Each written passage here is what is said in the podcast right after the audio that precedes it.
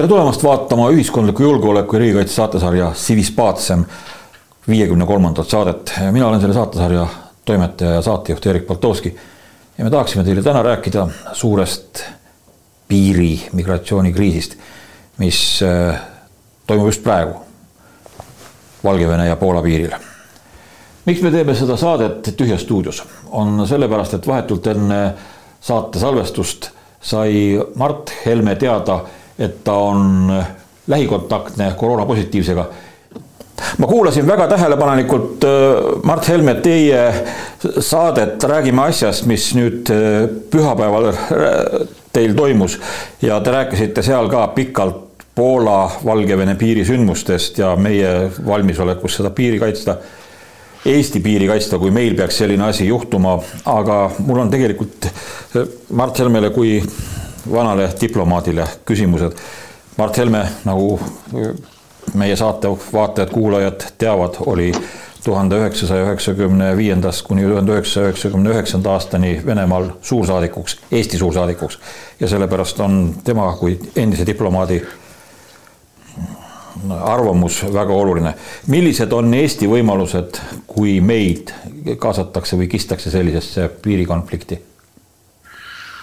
Eh, eks meil on toimunud siin umbes kolmkümmend aastat tegelikult niisugune iseenda veenmine selles, et eh, meie asjad on kõik korras, kuna me oleme, kuna me oleme NATO-s ja Euroopa Liidus ja, ja, ja seetõttu meid kaitstakse ja ja, ja meile ülemuslikud on igasugused rahvusvahelised konventsioonid ja me mäletame üsna värskelt ikka ju kahe tuhande viieteistkümnenda aasta eh, migrandikriisi, kui kui kogu Euroopa juht, juhtiv selline ideoloogiline surve tuli liikmesriikidele, et te peate vastu võtma need, need on sõjapõgenikud ja need on inimesed, kes kannatavad ja, ja missuguseid südantlõhestavaid pilte toodi meedias uppunud lastest ja, ja, ja ma ei tea, rasedatest naistest ja, ja veristest inimestest ja jah, kahtlemata need inimlikud tragöödiad on kahetsusväärsed, aga aga juba kaks tuhat viisteist oleks pidanud olema äratuskell, aga ei olnud. sellele kaks tuhat neliteist oli eelnenud Eston Kohveri röövimine äh, Eesti piiril. noh, pärast tuli välja, et venelased väitsid, et, et see oli nende pool piiri ja meie ütlesime, et see oli meie pool piiri. noh, tegelikult me räägime kontrolljoonest ja siis selgus, et kogu see kontrolljoon on suures osas tähistamata võssa kasvanud, äh, kulgeb kuskil soolaugaste vahel. aga ega siis ka midagi ei tehtud ja tegelikult hakati tegema siis, kui meie valitsuses olime. Äh, kiires korras leidsime kakskümmend viis miljonit eurot ümmarguselt, et äh, ajutise kontrolli, kontrolljoone tara välja hakata ehitama. hakkasime tegelema kriisireservi või sisekaitsereservi loomisega et meil oleks võimekus äh, mitte ainult idapiiril, vaid ka vajaduse korral lõunapiiril efektiivne piirikaitse. mitte ainult monitoorimine, vaata, kui me vaatame praegu, missugused olid Elmar Vaheri kommentaarid äh, sellele uudisele, et Pihkvast võib hakata meile tulema äh, illegaale üle. siis esiteks noh, see Pihkva lennuväli on seal kogu aeg olnud ja midagi pole juhtunud, noh, see on niisugune tüüpiline enesepettuse rahul, rahustamise jutt. aga teine oli see, et et me teame, mis piiril toimub.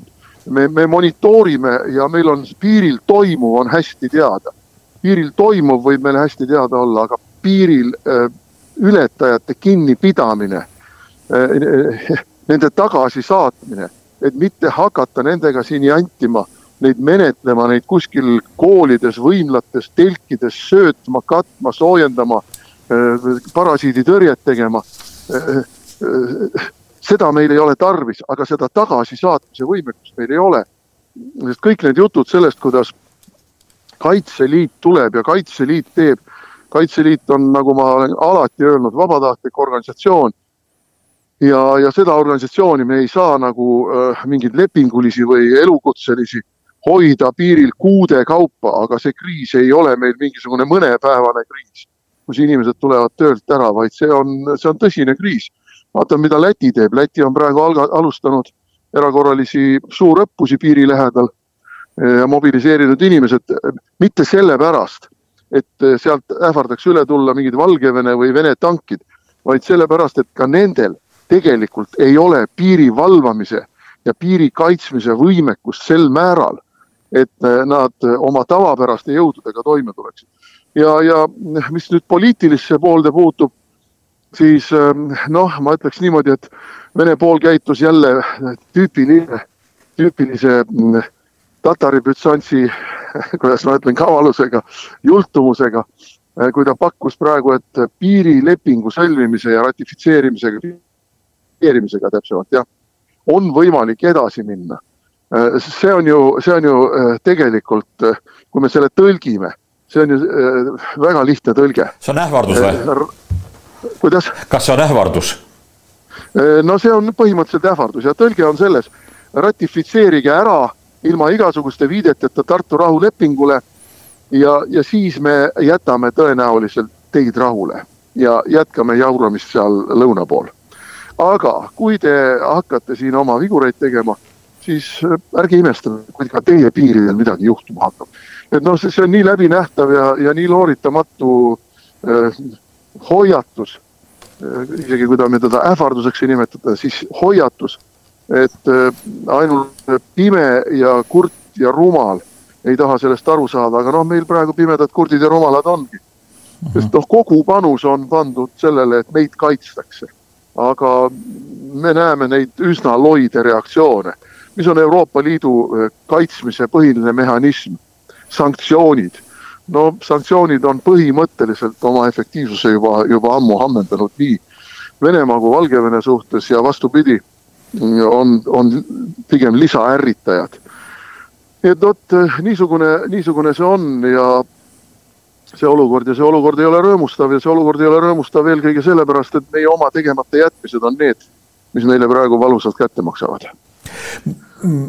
Kersti Kaljulaid ühe aktsioonina viis noh, tema initsiatiivil ja temaga seotud poliitikute initsiatiivil viidi meid ÜRO julgeolekunõukogusse.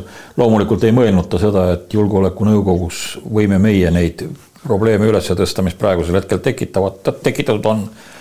kas meil on võimalik seda julgeolekunõukogu liikmelisust kuidagi kaitsta või seal kasutada selleks, et kaitsta ennast ja muide meie partnereid, lätlasi, leedulasi, poolakaid samuti? No ÜRO Julgeolekunõukogu alalised liikmed on ikkagi viis suurriiki, nende hulgas Venemaa ja no Venemaa on läbi ajaloo näidanud, et ÜRO julgeolekuresolutsioonid jäävadki vastu võtmata, kui Venemaa need vetostab. ja Peaassambleele hääletusele viimine, no ma ei ole väga veendunud, et, et meil on väga mõttekas seda teha, sellepärast et seal on enamuses need riigid, mille, mille inimesed meile siia kipuvad. Ehk siis Lähis-Ida, Aafrika ja Aasia riigid.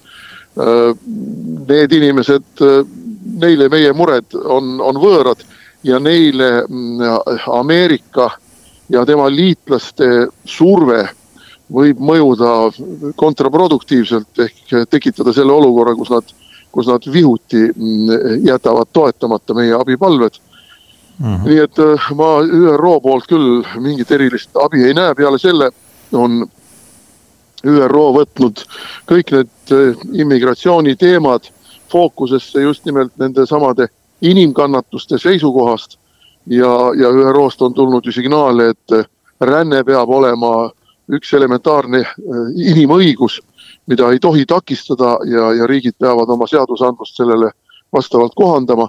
nii et ÜRO poolt ei näe ma nüüd küll mitte mingisugust kõige vähematki toetust meile ega ka meie lähinaabritele selles antud kriisis praegu no arvatavasti ei tule meil siis abi ka Euroopa Liidust, näiteks noh, Saksamaa poolt, Merkel läks ju Putiniga rääkima ja, ja arvab, et Putini kaudu saab seda asja kuidagi lahendada, et survet no, avaldada Lukašenkole.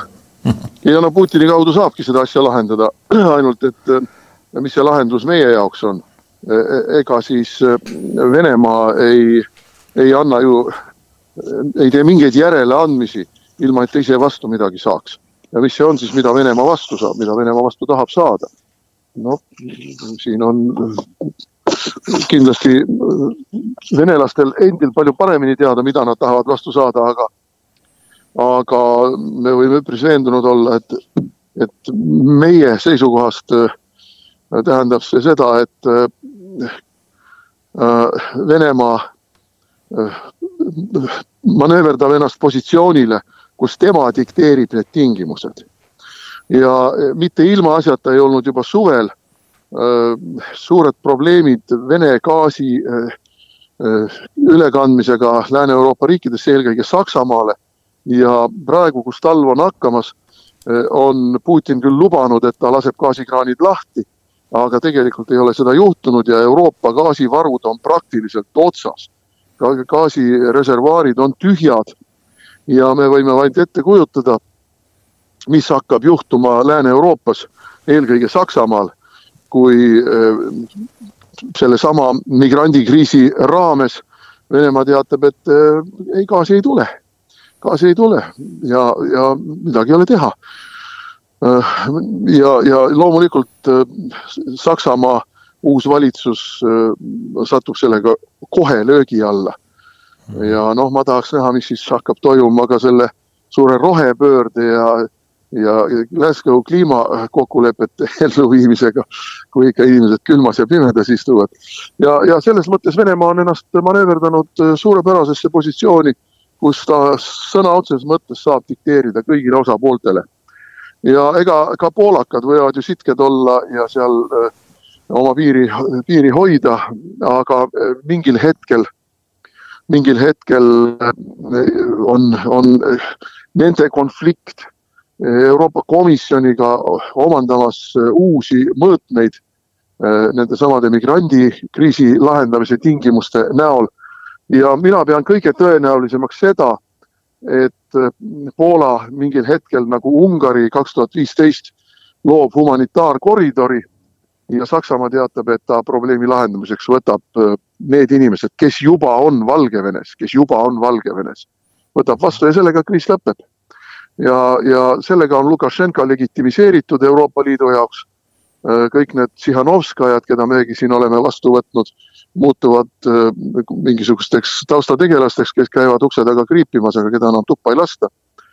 ja, ja Venemaa võib järjekordselt tõmmata äh, kalendrisse teatud kuupäevade ümber, kus need kokkulepped saavutati, ilusad punased ringid ja hakata planeerima järgmisi samme sest nüüd on väga selgeks saab praegu, et see, millele on apelleerinud Euroopa Liit, see niinimetatud pehme jõud, et Euroopa Liit on pehme jõud, Ameerika Ühendriigid on, on, on, on see karm jõud, aga Euroopa Liit on pehme jõud, et see pehme jõud ei maksa mitte midagi. isegi Euroopa raha ei maksa mitte midagi, kui Venemaal on äh, olulisemad poliitiliste ja geopoliitiliste eesmärkide saavutamised Äh, härra Mart Helme, mulle tuli siin seda saadet ette valmistades pähe üks äh, selline äh, ütleme, poliitilis-strateegiline kombinatsioon. venelastel on huvid ka Ukrainas ja nad pidevalt, Ukraina uudised räägivad sellest, et venelased valmistuvad ette Donbassi tungimiseks ja selle probleemi lahendamiseks seal noh, liites siis arvatavasti ka Donbassi ja ja, ja Luganski selle DNR-i ja LNR-i Venemaa külge, sellest räägitakse pidevalt. kas Poola, Valgevene migrandi, migratsioonikriis võib olla üks osa sellest plaanist, noh, kas siis juhitakse tähelepanu kõrvale, tekitatakse see mingisugune poliitiline ajakirjanduslik teabemüra, mille varjus siis valmistada ette tungimist Ukrainasse? No põhimõtteliselt äh, need mõtted tulevad pähe paratamatult, sellepärast kui me vaatame, äh, mida Venemaa peaks tegema, kui soovib Ukraina äh, nii-öelda lääne kursi täielikult rööbastelt maha lasta, on ikkagi Ukraina lammutamine. mitte terve Ukraina okupeerimine, okupeerimine tähendaks Venemaale tohutut pikaajalist peavalu ja ressursikulu nii Ukraina enda vaos hoidmisega seoses kui ka rahvusvaheliselt kui ka majanduslikult loomulikult see läheb meeletult maksma. Venemaa on huvitatud äh, välksõjast, kui, kui ta võtab vastu otsuse, et äh, teeme Ukrainaga ka ühtlasi ära. aga see tähendab seda, et, et see tehakse kõige ootamal hetkel. Äh, ja, ja selleks on vaja seda migrandikriisi praegu Valgevenes venitada, et kõik väsiksid ära, kõik väsiksid ära ja kuidagi tähelepanu hajub, maailma uudisteagentuurid ei tee enam iga päev reportaaže sellest, mis toimub Poola-Valgevene piiril. aga Venemaa on oma väed viinud Valgevenesse ja Venemaal on võimalus ja võimekus rünnata Ukrainat kolmest suunast. Need on siis põhjast Valgevenest, lõunast Krimmist ja idast Donbassi Luganski suunalt. nii et, et noh, on täiesti selge, et Ukraina sellise ettevalmistatud ja, ja noh, Venemaa sõjaline mõtlemine on selles mõttes äh, sajandeid püsinud ühesugune, et Venemaa lööb massiga mm.. on koondatud nii suured jõud, äh, et selle lühikese aja jooksul, mis need jõud tegevusse astuvad ja peavad oma eesmärgid saavutama, Ukraina ei suuda mobiliseeruda ja ka muu maailm ei suuda mobiliseeruda et niisugune stsenaarium on võimalik, sellele viitab muidugi see, et britid teatasid, et nad on võimelised ja, ja valmis saatma kuussada, noh, meie mõistes meil harjumuspärases terminis dessantväelast äh, Ukrainasse. No kuussada inimest loomulikult äh, ei muuda seal jõudude tasakaalu otsustavalt, aga on väga selge poliitiline ja ka sõjaline signaal ja no Suurbritannia muidugi ei ole äh, NATO kärbeskaalane, vaid ikkagi üks NATO võitlusvõimelisi riike. nii et lihtsalt ka seda, et britid on andnud välja signaali, et kui te peaksite Ukrainat puutuma, siis arvestage, et teil võib tulla tegemist ka NATO-ga. Et see, see pinge on väga suur ja väga üleval ja maailma majandus on muide niivõrd halvas olukorras, et nii absurdne, kui see ka ei tundu, aga kõik võivad praegu mängida sellist äh, pokkerit, kus kellelgi tegelikult äh, ässasid ei ole või neid, neid vajalikke kaardikombinatsioone, mis annavad siis selle kõva käe mm., ei ole, aga kõik blufivad ja kõik ähvardavad ja kõik tegelikult on huvitatud sellest, et maailma geopoliitiline tasakaal ja ka maailma rahanduses toimuv oleks võimalik ümber mängida ja selleks on vaja suurt kriisi. ma muide vaatasin mingit Vene telekanali poliitikaväitlust, kus kus ka mingisugused äh, Vene poliitika vaatlejad, rahvusvaheliste suhete vaatlejad arutlesid kogu selle temaatika ümber. noh, fookus oli muidugi väga erinev võrreldes sellega, mida meie siit äh, oma poolt vaadates näeme. aga äh, tähelepanuväärne, mida ma olen mitmel pool ka tsiteerinud, oli see, et üks nendest ütles, et geopoliitiline tasakaal on paigast ära ja selleks, et ta paika saada, on vaja uut jaltat mille peale üks teine mees ütles, et aga selleks, et uus jalta tuleb, on vaja kõigepealt sõda. nii et mm. kõikide suurriikide pealinnades mõeldakse ka praegu selle peale, et aga mis siis, kui tuleb sõda. kui suur see sõda tuleb, kus see sõda tuleb, kelle kätega me seda, sest noh, selge on see, et suurriigid omavahel tuumarakette, ballistilisi rakette vahetama ei hakka. aga, aga kuivõrd, kelle kätega, kus see konflikt maha pidada ja need geopoliitilised tasakaalud paika saada, see on päevakorral ma ei ütle, et see juhtub täna, ma ei ütle, et see juhtub ka sel aastal või järgmisel aastal, aga noh, ajalugu on pikk. kui me võtame kasvõi teise maailmasõja eelse aja või ka esimese maailmasõja eelse aja, siis me ajaloost näeme, et need igasugused kriise, mis lõpuks kumuleerusid suureks sõjaks, neid oli järjest pikkade aastate vältel, no näiteks esimese maailmasõja eel oli Agadiri kriis, kui Saksamaa saatis oma sõjalaeva Äh, Maroko rannikule ähvardusega ja, ja see põhjustas suure rahvusvahelise kriisi. Teise maailmasõja eel mäletame kõiki neid Austria Anschlusse ja, ja sudeedisakslaste küsimust ja Danzigi küsimust. Ja, ja ka Kaug-Idas Vene-Jaapani äh, vahelisi mõõduvõttusid ja Jaapani ja Hiina vahelisi mõõduvõttusid. et need asjad kõik tasapisi kerisid kogu kolmekümnendate aastate kümnendi jooksul me ei pea arvama, et ka, ka praegusel ajal need kriisid kerivad siin mingisuguse mõne kuu jooksul nii kuumaks, et, et lähebki kusagil tõsisemaks sõjaliseks konfliktiks. aga hoiatavad ja, ja valuläve kogu aeg madaldavad nad igatahes. miks ma selle küsimuse esitasin ja, ja mis mõtted mul peas endal olid, on see, et, et kui venelased saatsid patrullima Valgevene taevasse oma strateegilised pommitajad, siis mulle äkki tuli meelde Teise maailmasõja algus ja et äh, sakslased tegid Klaivitsis provokatsiooni. Ja praegusel hetkel Valgevene piirivalvejõud või sõjaväelased läksid seal täiesti ülbeks kätte, kui nad hakkasid Poola piirirajatisi lammutama ja jagasid pisargaasi ja, ja kive migrantidele, nendele Kesk-Aasia migrantidele, kes seal on. et tegelikult meie vastu juba võib öelda, et peetaksegi ju hübriidsõda, et sõda võib-olla on juba alanud, me lihtsalt ei tea seda veel no jah, noh, ega tänapäeval tõenäoliselt niisuguseid ametlikke sõjakuulutusi ja sõja, sõjakuulutusdeklaratsioonide üleandmisi suursaadikute poolt nagu teise maailmasõja, esimese maailmasõja eel mm -hmm. tõenäoliselt ei tule. no ma ütleks nii, et see, mida Valgevene piirivalvurid teevad, see on, see on jultunud keskmise sõrme näitamine Lääne-Euroopale ja, ja ka Poolale, et no näete, te seal olete pehmod, aga me oleme tegijad ja, ja seni, kuni te meile vastu nina ei anna, me läheme üha jultunumaks ja jultunumaks. no see on sihuke platnoi, platnoi mõtteviis, mis no ütleme niimoodi, Nõukogude slaavi ruumis on väga-väga tugevalt levinud. kas meil on aeg, nii nagu poolakadki ütlesid, et Poola diplomaadid ütlesid, et, et aeg on pöörduda NATO poole neljanda artikli käivitamiseks, mis tähendab konsultatsioone jah, aga keegi ei ole sellele eriti valjusti jah-sõna öelnud. mis näitab seda, et, et see on signaal ju tegelikult, et katsuge esialgu ise hakkama saada. noh, ma ei oska öelda. kuna, kuna Valgevenet nüüd keegi ju otseselt ei karda.